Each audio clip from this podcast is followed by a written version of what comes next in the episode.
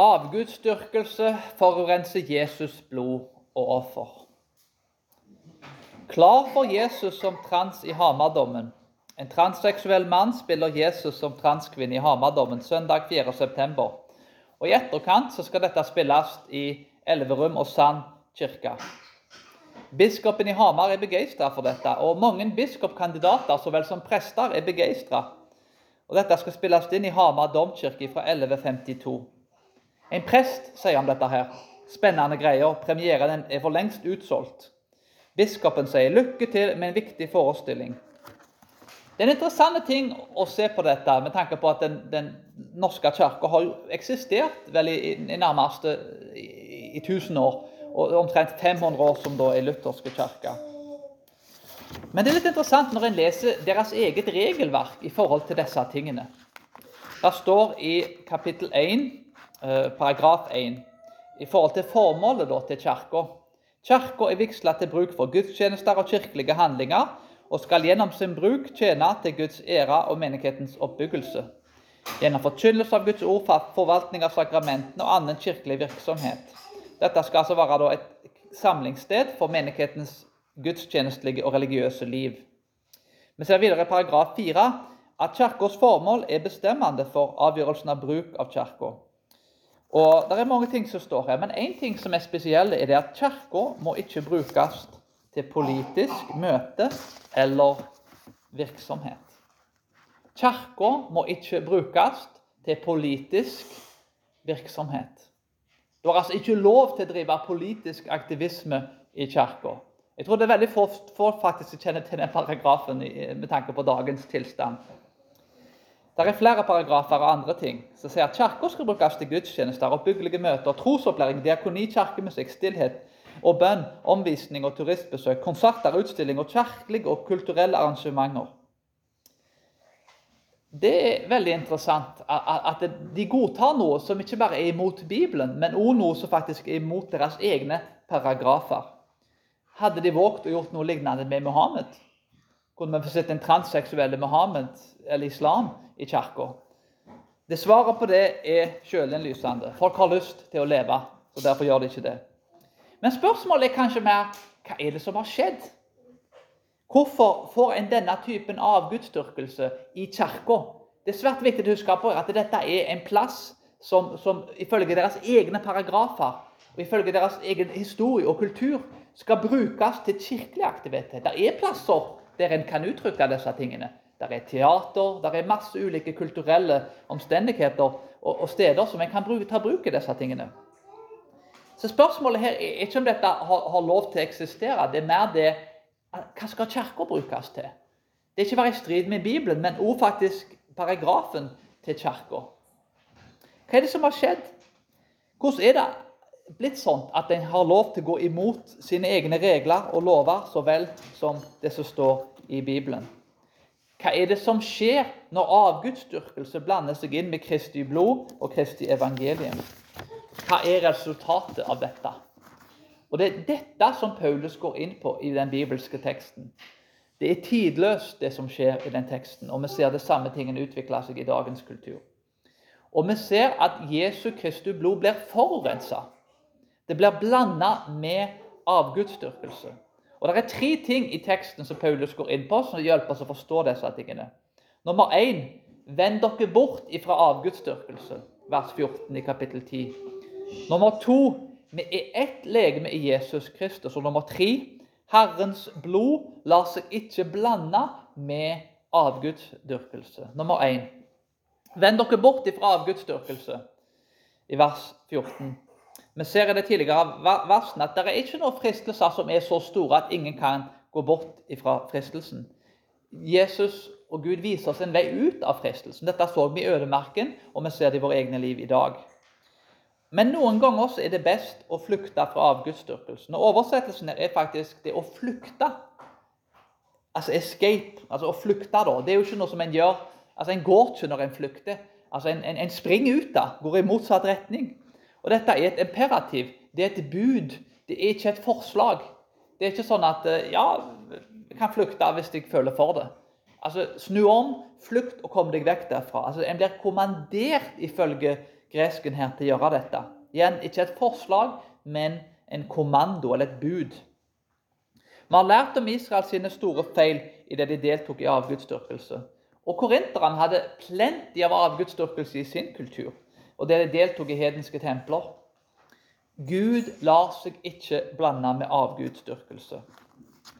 Og Vi vil unngå det Paulus advarer mot her, som var en flukte fra avgudsdyrkelsen. En leke med ild. Og I dette tilfellet da, med korinterne så burde de vite at dette er bedre enn noen. For dette var folk som kom ifra avgudsdyrkelse. De ser ofte at eh, brente barn skyr ilden best. Men det er ikke alltid tilfellet. Korinterne hadde nok brent seg på avgudsdyrkelse, men de virka likevel til å integrere avgudsdyrkelsen inn i kirkene. Folkene Paulus snakket til igjen, kommer fra denne bakgrunnen. Det er svært viktig å huske på. De var blitt nye mennesker i Jesus Kristus, fått et nytt liv. Og de skulle legge dette gamle livet i Egypt bak seg. Dette syndige livet som avgudsdyrkere. De skulle flykte fra avgudsdyrkelsen på samme måte som israelittene flykta fra avgudsdyrkelsen i Egypt. De la et liv tilbake i Egypt og gikk inn mot det lovende land for å leve med Herren. Avgudsdyrkelsen i dag er kommet inn i kirka. Og det er ingen av oss som, som, som, er fri fra dette. Vi er jo alle påvirka av den kulturen vi er i. Og I sånn sammenheng som dette her da, så illustrerer det noe som skjer i kulturen. Det er en hedensk form for seksualitet som, som ikke bare blir uttrykt i samfunnet. Dette har vel alltid eksistert gjennom menneskets historie. Men, det ble gjort i Guds navn. Det er stor forskjell på når ting blir praktisert, og når ting blir praktisert Altså, Gud er bak dette. Gud støtter det. En tar en, en, en hedensk form for seksualitet og sier at dette er noe Gud godkjenner. Gud er begeistra for dette her. Til tross for at i Bibelen så er det jo åpenbart fra bl.a. 1. Mosebok kapittel 1 og 2 at det er, det er to kjønn.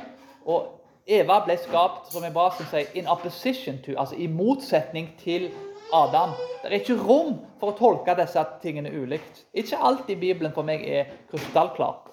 Men, men bibelsk seksualitet er en veldig klar og tydelig ting. En skal jo åpenbart vise folk kjærlighet, respekt og toleranse.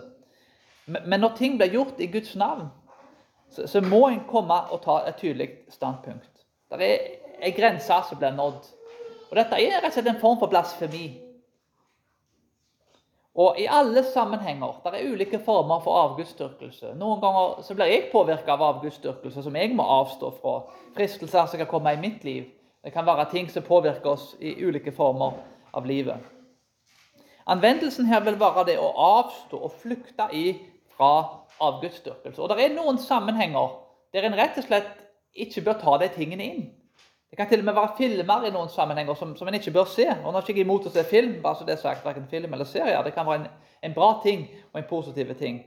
Men, men det er ting som, som, blir produsert i dag, og som blir tilrettelagt for, som er rett og slett En må på en måte bare sette foten ned og si at dette må en ikke ta inn i sitt eget hjerte og ikke inn i sitt eget hus. Og En må ta et tydelig standpunkt mot det. Folk har ulike styrker og svakheter, og en må kjenne seg sjøl. En må kjenne seg sjøl her. Men er det et område som en sliter på, så, så bør en ikke prøve å diskutere med synd. En må ikke gå inn i settinger der en vet en kan bli frista. En tidligere alkoholmisbruker bør kanskje ikke sette seg på en, på en bar hvis han ikke er blitt fullt fri fra det, og, og kanskje ta, ta seg to-tre øl hvis han har slitt med det kanskje i 20 år. Mens en annen person som ikke har det problemet, han kan kanskje gjøre den tingen uten at det er et problem. Så alle har ulike ting de sliter med. Men det er noen sammenhenger der en rett og slett bør bare flykte fra avgudsdyrkelsen og ta et klart standpunkt imot det. Og Det bringer oss til det andre punktet, fordi vi er et legeme i Jesus Kristus. I vers 15.: Jeg taler til dere, sier Paulus, som forstandige mennesker. Døm sjøl det jeg sier. Det er veldig fint med Paulus, til tross for at han fikk den åpenbaringen av Gud, at han sier ikke til folk altså, Bare følg meg, jeg er en apostel. Når Paulus sa han var en apostel, så mente han det bokstavelig. Han hadde eh, retten til å si at han var virkelig en apostel som kunne helbrede folk. alle disse tingene, I motsetning til mange av dagens apostler, som ikke alltid lever opp til de store gavene de har. Men Paulus hadde de gavene, han hadde den autoriteten. Men han sier faktisk 'døm sjøl'. Tenk sjøl. Det, det, er en veldig bra ting at, at folk sier 'gå inn i det jeg sier', og se om det stemmer overens. Han går ut ifra at han taler til forstandige mennesker. Folk som, som faktisk ja, har sunn fornuft. Paulus begynner med et kompliment. og et sånt prinsipp en ting vi kan lære her, er jo det at det er svært sjelden da, så, så vil folk, folk vil ikke motta kritikk som regel uten at du sier noe positivt først. Så Det er jo en, en, en god måte å kritisere folk på, hvis du sier både positive ting så vel som, som noe konstruktivt og noe som er kritisk. da.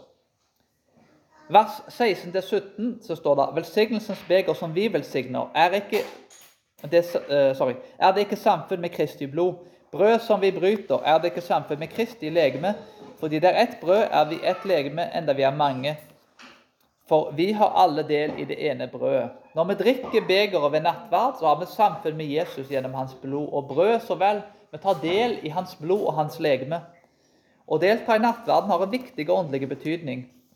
Og dette å i de ritualene betyr mye. En kan altså ikke drikke av disse tingene, drikke av begeret. Og en kan heller ikke spise brød samtidig som avgudsdyrkelsen har stor tilstedeværelse i våre hjerter. Brød og vinen symboliserer og bidrar til enhet i Kristu legeme. Og en må vende seg bort fra avgudsdyrkelsen før en deltar i nattverden. Det betyr ikke da at hvis en begår en liten synd, som en har vent seg fra, at en ikke kan ta nattverd. Men hvis det er alvorlige synder i Guds legeme, så må en rett og slett ja, må vende seg om fra de tingene.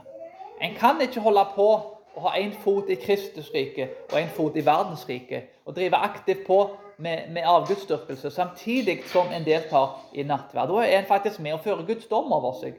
Og Det er veldig trist, fordi Guds måltid og nattverdsmåltid er jo et gledens måltid. Det er et festmåltid som vi skal glede oss over. Påskemåltid ble feira bl.a. i Israel, og det var ment å fungere som noe som ga enhet i nasjonen. Noe som skulle skille dem fra avgudsdyrkelsen, ikke noe som skulle blande inn avgudsdyrkelsen. Nattverdsmåltid har en forenende effekt i Korint. I en kirke som hadde problemer med ulike uenigheter, intern strid, kanskje ulike meninger. Noen fulgte Apollos, Kefas og Paulus. De hadde ikke samme favorittforkynnerne, til og med. Når jeg tar et måltid, så er en ett med Kristus, og en blir forent med Kristus. Vi tar del i Jesu blod og hans oppstandelse. Og han er åndelig til stede i vinen og brødet. Vi er altså ikke to legemer, men ett legeme. Og Dette tilsier at Jesus er herre over alle ting. Alle deler er han herre over. Dermed er det ikke rom fra avgudsdyrkelse. Du kan ikke i ett område av livet ditt, det kan være seksualitet, penger eller andre ting, og si at ja, men Jesus han er herre over alt, men, ikke det området. Det like, den synden liker jeg for godt, og dermed tar jeg den med meg inn i nattverdsbordet. Det er ikke sånn det fungerer. Nattverden skal gi enhet. Men den gir kun enhet hvis vi omvender oss og flykter fra syndene, sånn som Paulus her sier. Nattverden historisk har brakt enhet til landet. Det har sosiale implikasjoner. 100 pluss år tilbake i Norges historie så ble du bøtelagt for noen plasser, da, ikke alle plasser, men for å ikke delta i nattverden. Så du fikk faktisk en bot. da. Politiet og, presten, lensmannen og presten kunne komme til døra di og gi deg en bot for ikke å delta i nattverden. Det er altså ikke noe vi vil tilbake til, bare så det er sagt. Jeg vil ikke at folk skal tvinges til å ta nattverd. Men det viser jo hvor alvorlig det var med nattverd. De så ikke på nattverden som en ubetydelig ting. Men tenk om alle kristne i landet, alle deltar i nattverd, alle er brødre og søstre. Det er veldig vanskelig for klaner og folk å drepe hverandre og gjøre vonde ting med hverandre når Jesu blod har vært med forent i. Og Som kristne brødre og søstre så er vi også kalt til å elske de som er utenfor. Og Når en får den styrken og den påfølelsen gjennom nattverden, så får en styrke både til å elske sine egne så vel som de som er utenfor. En kan argumentere for at en skal elske de som er utenfor, kanskje enda mer enn sine egne brødre og søstre. Så nattverden representerer enhet i landet, så vel som i våre liv og i samfunnet ellers. Og aller viktigst gir oss enhet med Kristus. Med ett i Kristus kropp. Og Det gjør at en menighet kan ha ulike meninger om ting. Og Vi kan fortsatt være glad i hverandre, og vi kan være ett og ha enhet i Kristus kropp. Og I Korintermenigheten var det utrolig viktig at de fikk den enheten gjennom nattverden. Og En anvendelse her er at la oss gjøre enhet om til et prinsipp blant kristne brødre og søstre. Tenk ofte at eh, du har kanskje mer til felles med en del folk enn det en er uenige om. En som alltid sa, sa til meg, Han kalte meg alltid en bror. kan du si, og Det var den språkbruken den formuleringen der, eller kaller noen for søster, Det, det er noe med å, å skape en forenende, en forenende ordbruk. Noe som er med og gjør at du, du føler deg virkelig en tilhørighet til den personen. En åndelig tilhørighet. Det er jo ikke nødvendigvis et blodsbånd. Og Vi kan bruke ordene våre til å bygge opp enhet, til og med det vi er uenige med. Vi kan kommunisere enhet og være forsonende i den forstand at vi setter nattverden ut i praksis. Vi kan kommunisere enhet. Så tenk gjennom hvordan en bruker ordene. En kan si alle det, kanskje ting som teknisk sett er rett, men det er ikke nødvendigvis den rette tingen å si i alle sammenhenger. La oss kommunisere enhet med ordene våre, både til de som er innenfor, og til de som er utenfor. Men før det kan skje, så må vi altså vende oss om ifra avgudsdyrkelsen. Og Grunnen til dette her er at Herrens blod lar seg ikke blande med avgudsdyrkelse. Det er det tredje punktet. Det er i 1. Korinterbrevet 10, 18-22. I 18-20 så ser vi at de som spiser for alteret, har samfunn med alteret. Og hedninger ofrer til onde ånder, de ofrer ikke til Gud.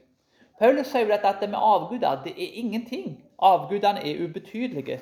Men det kan òg være demoner bak dem som fremmer denne typen for avgudsdyrkelse. Det er altså demoner involvert når en begår avgudsdyrkelse. Og en kan ikke delta i Herrens måltid og i demoners måltid. En kan ikke blande disse to tingene sammen. I vers 21-22.: Dere kan ikke drikke av Herrens beger og onde ånders beger. Dere kan ikke ha del i Herrens bord og i onde ånders bord. Eller tør vi egge Herren om til nidkjærhet? Vi, vi er vel ikke sterkere enn ham? Alteret tilsa at det er nære relasjoner rundt bordet. Og vi har en misunnelig Gud, en Gud som ikke tolererer noe som helst form for avgudsdyrkelse. At vi har andre guder i tillegg til Gud.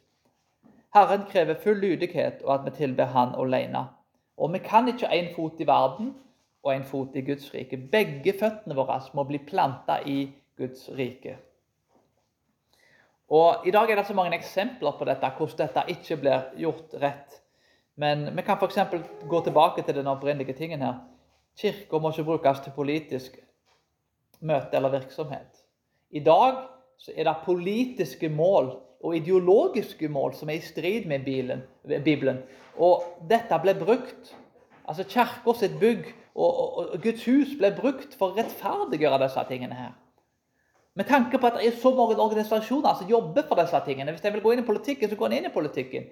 Men Guds hus skal være kjemisk fritt for politiske ting. Det skal være en, en, en safe zone, en trygg plass, der folk med ulike politiske ståsted og meninger, og, og, folk som de liker og ikke liker, kan komme inn og de kan tilbe Herren og få enhet sammen. Vi har et, eksempel, for eksempel, et annet eksempel der f.eks. yoga ble brukt i en gudstjeneste. Og igjen, Jeg skal ikke diskutere om yoga kan bli brukt som en, som en treningsting det, det, det får bli en annen sak. Men, men, men, i Guds hus men altså tar en, en, en, en, treningsform som egentlig er basert på eh, bønn til en hinduistisk guddom, og, og bruker disse bevegelsene i en gudstjeneste. Igjen, der er arenaer for disse tingene utenfor kirka. Så En blander inn da, og driver en form for synkretisme. Men kan si den katolske kirka i veldig stor grad er et kompromiss mellom hedenskap og kristendom.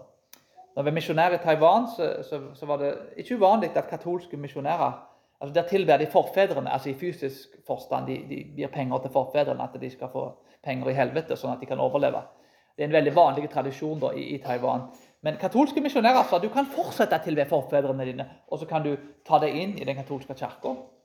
Veldig appellerende for folk på arbeiderklassen spesielt, som, som praktiserte det, å bli katolikker. Jeg kan være katolikk, og jeg kan tilbe forfedrene mine. Jeg kan gjøre begge deler. Du bringer demoner inn med Kristi blod. Det er mange former for synkretisme.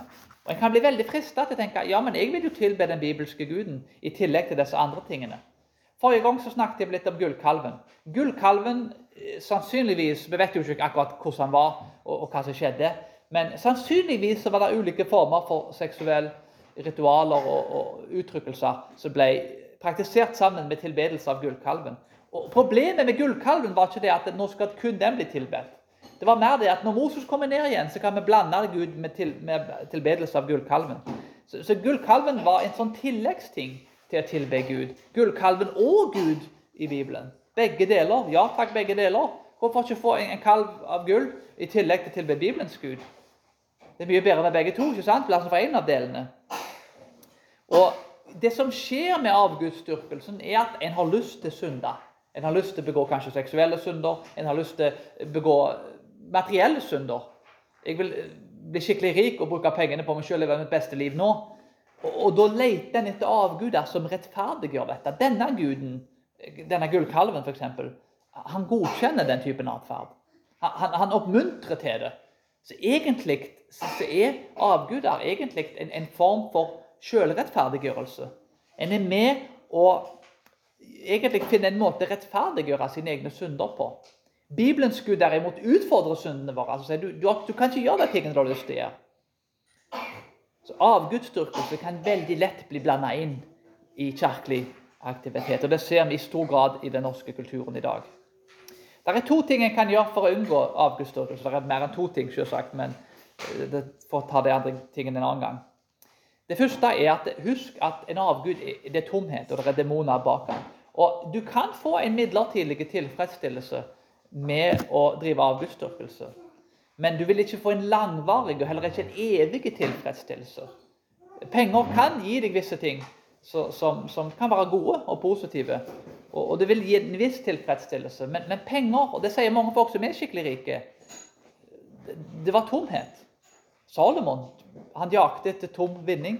Og han mente at alt var tomhet. Den rikeste mannen, kanskje, en av de rikeste som levde, den viseste mannen, eh, hadde masse koner. Han hadde liksom materielt sett alle tingene det, i den kulturen som folk så opp til. Men han mente alt dette var tomhet. Det som gjelder, er å frykte Gud og følge Hans bud. Så det er tomhet, og du vil ikke bli tilfredsstilt av avgudsdyrkelse. Men Bibelens Gud gir en tilfredsstillhet som du ikke får av disse andre tingene. Det andre er å være ydmyk. Stolthet er svært ofte en ting som leder til avgudsdyrkelse. Jeg vil vise meg sjøl fram. Jeg vil bygge meg sjøl opp og vise hva jeg kan få til. Og Da tar Gud et steg ned og et steg til sides. Så Jeg vil ta Guds plass. Jeg styrer tronen i mitt liv. Det er ikke Gud som er stor i mitt liv. Og det er noe med dette her med Når Gud er store, så blir vi små. Og Vi har jo en, en teologi som egentlig ofte blir kalt stor Gud-teologi. En av grunnene til det er at vi er imot avgudsdyrkelse. Vi vil ikke at vi skal bygges opp. Vi vil at Gud skal få en stor plass, og vi skal få en liten plass. Vi skal ikke altså sette andre ting i senteret foran Gud. Vi skal lære av Paulus. Og tenk på Paulus. Romersk statsborgerskap. En mann som, som er sprenglærde og har sikkert tilsvarende kanskje flere doktorgrader hvis du sammenligner med dagens kultur i kunnskapsnivå romersk statsborgerskap. altså En, en, en mann som, som, lett kunne klatre til topps i Romerriket og sikkert jobbe som en rådgiver for, for en keiser. Han var en uhyre intelligent fyr som hadde utrolige gaver, høye sosiale posisjoner. Paulus betyr faktisk liten, ydmyk på gresk. Den mest lærde fyren i Bibelen er kanskje også den mest ydmyke fyren. Han gjør seg sjøl om til ingenting, sånn at Gud kan bli løfta fram i livet. Og Det var nok derfor Paulus etter min beste kunnskap ikke begikk avgudsdyrkelse. Fordi han var liten, og Gud var stor, og han var ydmyk. Vær ydmyk og, og, rot vekk stoltheten i hjertene. Og Stoltheten er noe som påvirker oss alle. Det er øyeblikk der jeg kan være stolt, og jeg må bryte ned min egen stolthet ved hjelp av, av Gud. Så husk at avgudene er tomme, og vær ydmyke. Bryt ned stoltheten ved Guds hjelp. For når vi blander avgudsdyrkelsen med tilbedelsen av Jesus, så forurenser vi hans offer. Det blir nesten som å si at eh, jeg vil ta et glass vann, men så tar du en, en liten, liten, dråpe med rottegift. Visste du at det, du trenger bare 1 rottegift for å, å, å, å drepe? Ikke nødvendigvis en voksen person, men en rotte blir faktisk drept av svært lite rottegift. Og mye av rottegiftet svært ofte er, er 99% med god mat. Og Se for deg sjøl hvis du hadde tatt en dråpe med gift og sagt ja, men jeg, jeg, jeg, jeg drikker gift og vann. Det er jo 99 vann her. Og så er 1, 1% gift. Jeg drikker jo vannet. Jeg tar del i Kristus, og så litt avgudsdyrkelse. Det er svært få som ville sagt at det var en bra ting at du kan drikke 1% gift. Litt gift kan vel ikke skade, så lenge jeg drikker mesteparten vann. Det er nok til å drepe deg åndelig sett. Den lille dråpe med gift forurenser hele vannet. Vi kan ikke blande avgudsdyrkelse med tilbedelse av Jesus, for da forurenser vi hans offer. Vi håner og vanærer det verket som han gjorde på korset. Det at han død, sto opp igjen for opp til himmelen og hadde et forsonende og fredfullt verk som bringer enhet. Og det er noe som vi ser i nattverden igjen og igjen og igjen. Og da kommer det snart en nattverd opp. Det bringer enhet. Men vi må avstå fra avgudsdyrkelsen. Og vi må gjøre det med å vende oss bort ifra han. Huske på at vi er ett legeme i Jesus Kristus. Og vi kan ikke la blodet til Jesus blande seg med avgudsdyrkelse. Hvis vi gjør det, så risikerer vi å gjøre Jesus blod om til saft. Det er kraft i Jesus blod. Og la oss hedre og ære Han med å tilbe Han rett og vende oss bort fra avgudsdyrkelsen. La oss be.